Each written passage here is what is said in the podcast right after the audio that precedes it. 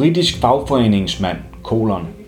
Brexit er ikke et højorienteret projekt, men potentielt et arbejderklasseprojekt. I mange danske medier er Brexit blevet fremstillet som et højorienteret projekt, der giver den britiske befolkning en masse bøvl i hverdagen. Den britiske fagforeningsmand Kevin Nelson har et andet syn på sagen. Han ser først og fremmest Brexit som arbejderklassens projekt og mener, at Brexit har skabt mulighed for, at der kan føres en reel arbejderpolitik. Men det kræver selvfølgelig en regering, der ønsker at gøre det. Kevin Nelson er faglig sekretær i den britiske fagforening Unisons afdeling i Nordvest Manchester.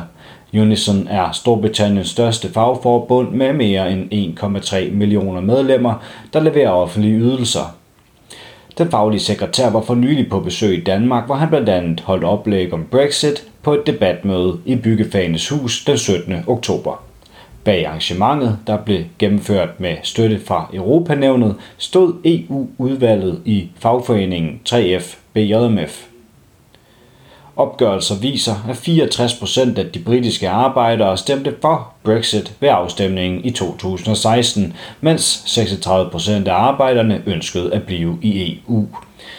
Da vi fik muligheden for at komme ud af EU, greb arbejderklassen i overvejende grad chancen med begge hænder, uanset hvad fagbevægelsens elite havde at sige om sagen. Det giver håb for fremtiden. Brexit er ikke et højorienteret projekt, men potentielt et arbejderklasseprojekt, understregede Kevin Nielsen i sit oplæg på debatmødet.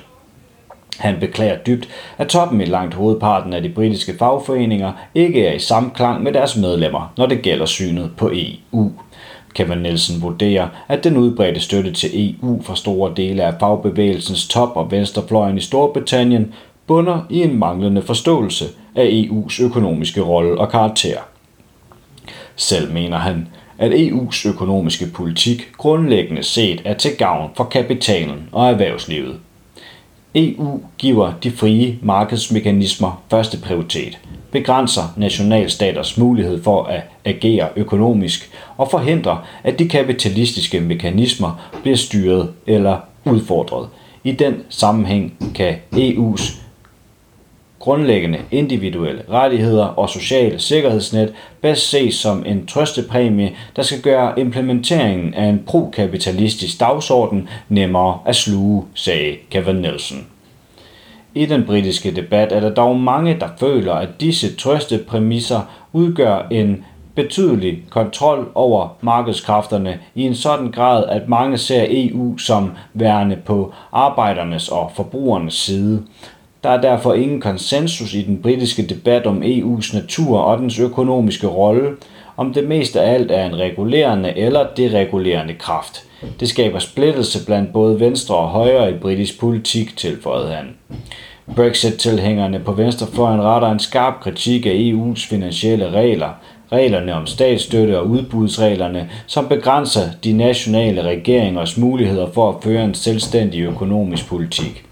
Et andet vigtigt emne for fagforeningsfolk imod EU i den offentlige sektor var en beslutning fra EU-domstolen, som beskytter private selskaber mod at skulle tilbyde en tilsvarende løn, når de overtager arbejdsopgaver og ansatte fra det offentlige. Den beslutning var et helt klart eksempel på, hvordan EU's institutioner hellere vil beskytte erhvervslivets rettigheder end arbejdernes. Dommen har haft massiv betydning for Unisons medlemmer og er årsagen til en stor del af vores seneste arbejdskonflikter i det nordvestlige England, forklarede Kevin Nielsen. Han oplever, at mange af fagforbundets aktivister i modsætning til ledelsen støtter op om Brexit. Mens langt de fleste fagforbund aktivt støttede, at Storbritannien skulle blive i EU, var der enkelte fagforeninger, som gik ind for Brexit. Det galt for eksempel to jernbanefagforeninger. Det hænger sammen med en stor modstand mod EU's jernbaneliberaliseringer, der har haft alvorlige konsekvenser for jernbanearbejderne, forklarede den britiske fagforeningsmand men det dominerende synspunkt på venstrefløjen og i fagbevægelsen er, at EU er et boldværk mod den britiske højrefløjsregering og dens dereguleringer og nedskæringer. TUC, parentes, britisk faglig hovedorganisation, parentes slut, og de fleste individuelle fagforeninger gik med på denne venstre-liberale konsensus. Det indebar en holdning om, at arbejderes rettigheder, forbrugerbeskyttede tiltag og miljømæssige standarder først og fremmest kommer fra EU, og at vi ikke ville have dem i Storbritannien, hvis ikke det var for EU-medlemskabet, sagde Kevin Nielsen.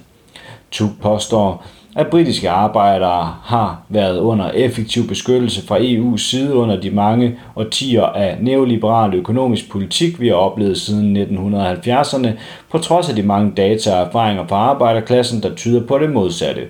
Tuk fremfører også, at disse rettigheder nødvendigvis er troet, når Storbritannien forlader EU. Dette standpunkt bygger på en dyb pessimisme, hvad angår fagbevægelsens evne til at forme en folkevalgt britisk regeringsprogram, tilføjede han. Tilbage i 1970'erne, hvor Storbritannien blev medlem af EF, der senere blev til EU, var den britiske fagbevægelse modstander af EF-EU. Efterfølgende led den britiske fagbevægelse en stribe katastrofale nederlag i 1980'erne, hvor premierminister Margaret Thatcher gennemførte omfattende privatiseringer og angreb på fagbevægelsen. Det førte til, at mange i fagbevægelsen og på venstrefløjen kom til at se på EU-medlemskabet som et værn mod de mange forringelser. En nøglebegivenhed, der tillægges stor betydning, var ved Tuks kongres i 1988, hvor EU-kommissionens formand Jacques Delors talte til fagbevægelsen. Delors varme ord stod i kontrast til de konstante angreb og kritik, fagforeningsfolk var vant til at høre, og hans snak om at udvide overenskomstdækningen blev modtaget positivt og ukritisk. Alligevel fortsatte det dramatiske fald i overenskomstdækningen ustandsligt igennem hele Storbritanniens tid som medlem af EF og siden EU, forklarede Kevin Nelson. Men denne gang i 1988 tog man imod Dallas med kysshånd. John Edwards daværende formand for fagforeningen GMB, har talt om, at Europa var fagforeningernes eneste ven, og om hvordan højstående medlemmer i fagforeningen begik et kup og ændrede bevægelsen fra at være fjendtligt stillet øh, mod EU's kapitalistklub til at støtte op om EU-medlemskabet. Dette gjorde også, at Labour endeligt omfavnede EU, tilføjede han. Kevin Nielsen understregede, at situationen er anderledes blandt græsrodsaktivister og i den brede arbejderklasse. Aktivister fra min egen fagforening Unison har konsekvent stemt imod EU-traktater, når det er blevet diskuteret på kongresser. Kløften mellem fagbevægelsens ledere og arbejderklassen selv blev på dramatisk vis udstillet under folkeafstemningen i 2016, slog han fast og tilføjede, at det ekstreme højres anti kritik af EU er en anden årsag til venstrefløjens ændrede holdning til EU.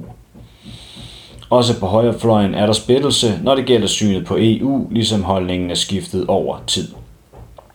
Under folkeafstemningen i 2016 var regeringen, det konservative mainstream erhvervs- og finansliv samt den britiske arbejdsgiverforening alle samlet om at støtte EU-medlemskabet.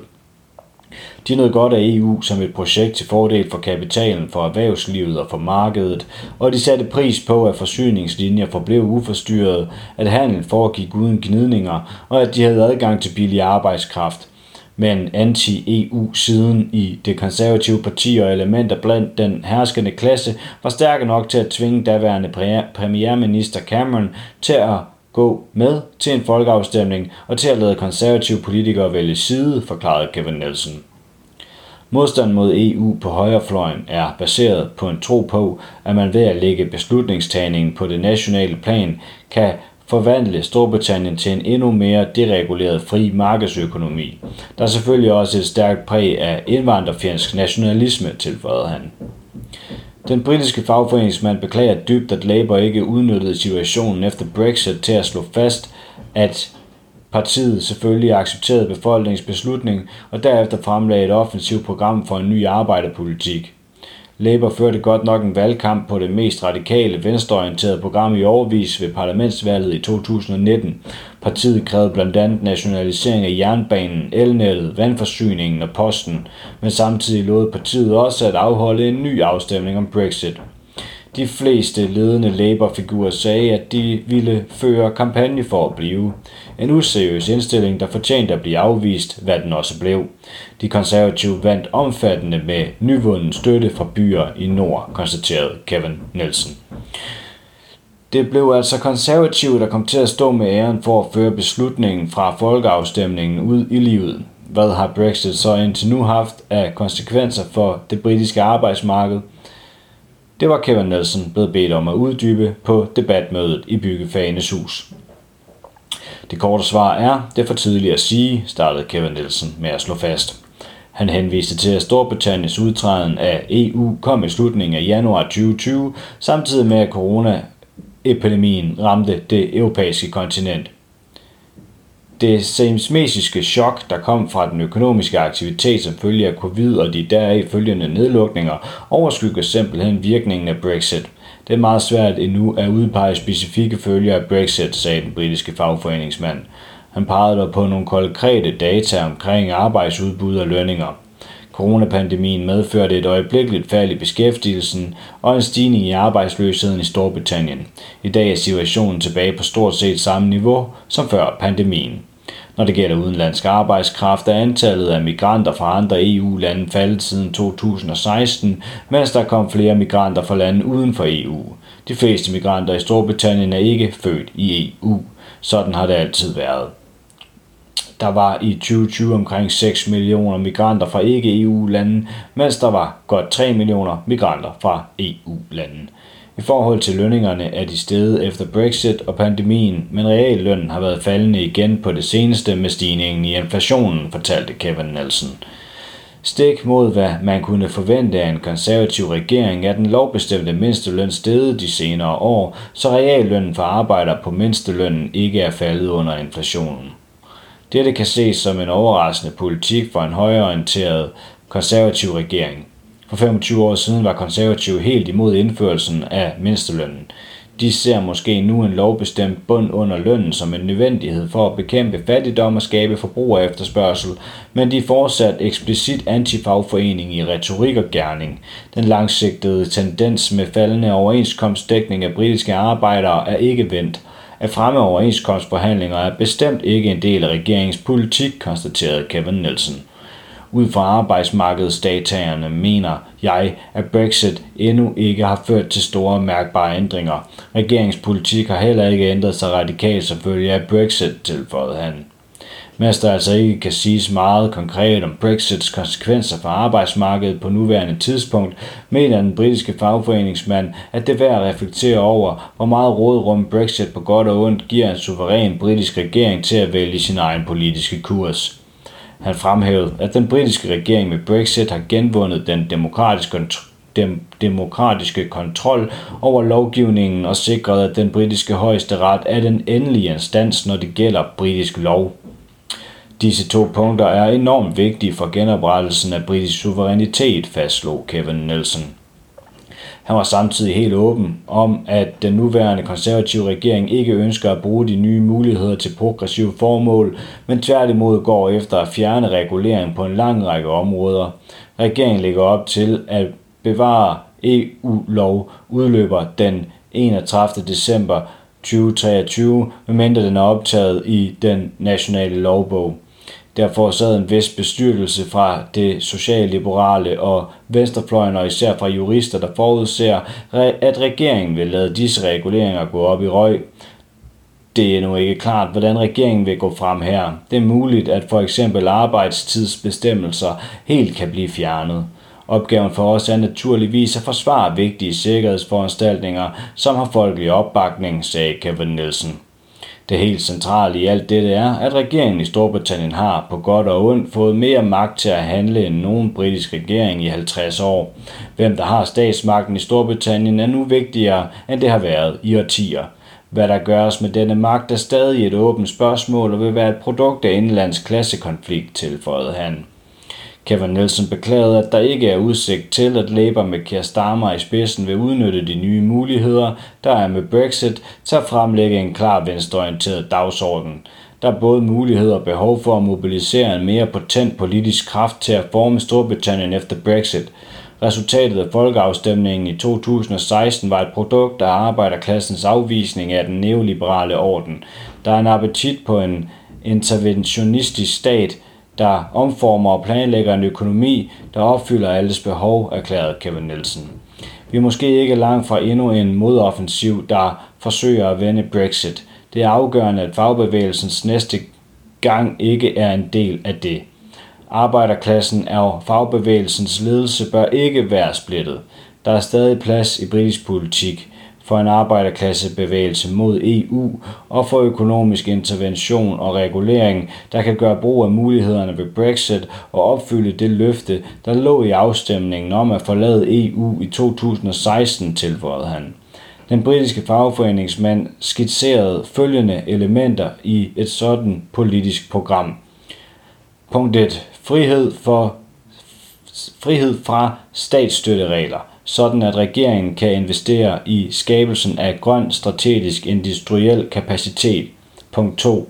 Frihed fra indkøbsregler, sådan at interne offentlige tilbud, god beskæftigelse og lokale leverandører kan favoriseres. Punkt 3. Frihed fra skattepolitiske regler, sådan at produktive investeringer kan finde sted og ressourcer kan omfordeles fra dem, der ikke har brug for dem, til dem, der har. Et sådan politisk program kan blive hånet som protektionistisk, konkurrenceforvridende og økonomisk sløset. Men jeg vil kalde det økonomisk demokrati. Det er, hvad Brexit burde og kunne handle om. Du har lyttet til en artikel fra Arbejderen. Abonner på vores podcast på iTunes, eller hvor du ellers hører din podcast. Du kan også klikke ind på arbejderen.dk for meget mere journalistisk indhold. Du er også velkommen til at følge Arbejderen på YouTube, Facebook, Instagram eller Twitter, samt tilmelde dig Arbejderens daglige opdatering på Messenger. Vil du i kontakt med redaktionen, kan det ske ved at sende en mail til redaktion Tak fordi du lyttede med.